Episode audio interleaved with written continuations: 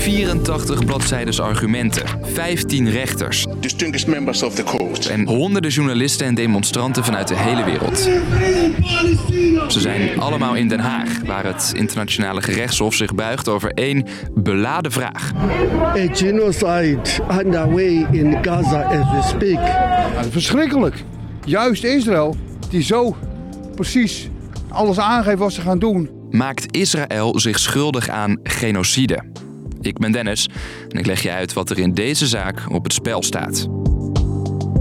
Lang verhaal kort. Een podcast van NOS op 3 en 3FM.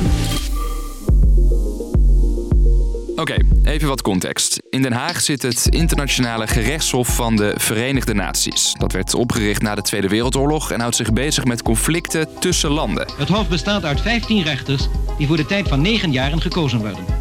Nu draait het dus om een zaak over Israël en de oorlog in Gaza. Aangespannen door The Republic of South Africa. eh, Zuid-Afrika. Ja, ver weg, hè? toch wel. Je hoort correspondent Alice van Gelder. Hoe zit dat? Nou, dat komt eigenlijk omdat Zuid-Afrika's regeringspartij, het ANC, zich verbonden voelt met de Palestijnen. Onder meer de president Ramaphosa zegt: Wij weten hoe onderdrukking eruit ziet. Hij ziet gelijkenissen tussen wat zwarte Zuid-Afrikanen hebben doorgemaakt tijdens de apartheid en wat het Palestijnse volk al decennia lang doormaakt. Oké, helder. Nou, met deze zaak wil Zuid-Afrika een staakt het vuren bereiken in de Gazastrook. Zij zeggen, Israël moet de wapens neerleggen, want het begint te lijken op een aanzet tot genocide. Het woord is gevallen. Genocide. Zo'n beetje de zwaarste beschuldiging die er is. Het betekent eigenlijk een doelbewuste poging om een groep te vernietigen op basis van nationaliteit, ras, religie of etniciteit. Volkerenmoord dus. Het bekendste voorbeeld is voor de meeste mensen de Holocaust in de Tweede Wereldoorlog, toen 6 miljoen Joden werden vermoord.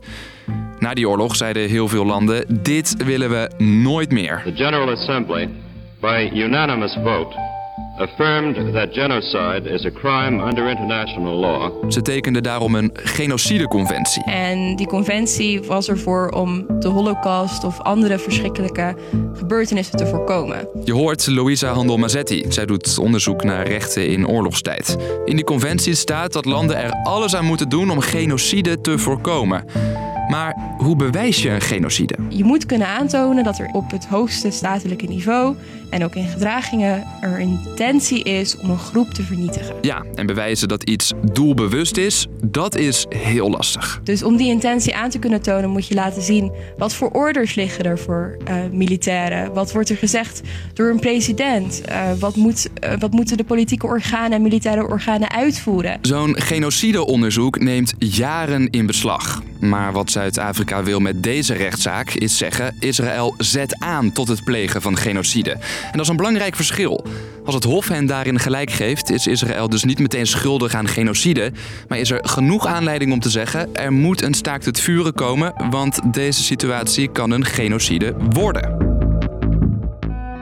Distinguished members of the court. Alle ogen zijn nu dus gericht op Den Haag. Voor de hekken van het gerechtshof volgen pro-Israëlische en pro-Palestijnse demonstranten de zaak via grote schermen. En ook in Israël kijken ze mee, met tegenzin dan. Nou, hier vinden ze het echt eh, belachelijk. Je hoort correspondent Nasra Habib Allah, die in Israël is. Want zeggen ze hier, eh, Hamas die gebruikt burgers als menselijk schild, eh, doet dat dus met opzet. Terwijl Israël, zeggen ze juist, probeert te voorkomen dat er onschuldige burgers gedood worden. Beschuldigingen van genocide liggen extra gevoelig in dit land vanwege de link met de Holocaust.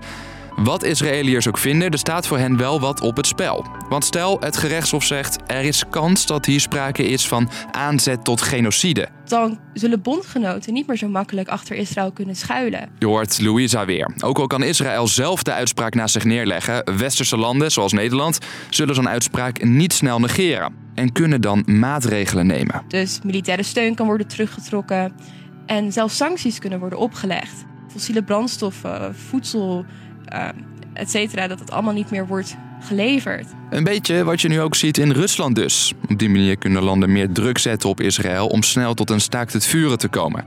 Over een paar weken wordt een eerste uitspraak verwacht. Nou, ongeacht die uitkomst zijn Palestijnen in ieder geval blij dat de internationale rechters naar de zaak kijken.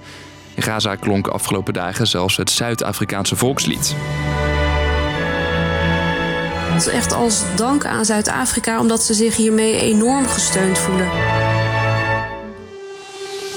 Dus, lang verhaal kort. Zuid-Afrika is naar het internationaal gerechtshof gestapt. Omdat ze vinden dat Israël zich schuldig maakt aan aanzet tot genocide van Palestijnen in de Gazastrook. Dat is beladen, want genocide is zo'n beetje de ergste misdaad die er is. En ook moeilijk te bewijzen. Mocht Israël veroordeeld worden, dan kan dat gevolgen hebben voor de steun van andere landen in de oorlog. Nou, dat was hem weer voor vandaag. Morgen weer een nieuwe podcast. Bedankt voor het luisteren. Doei!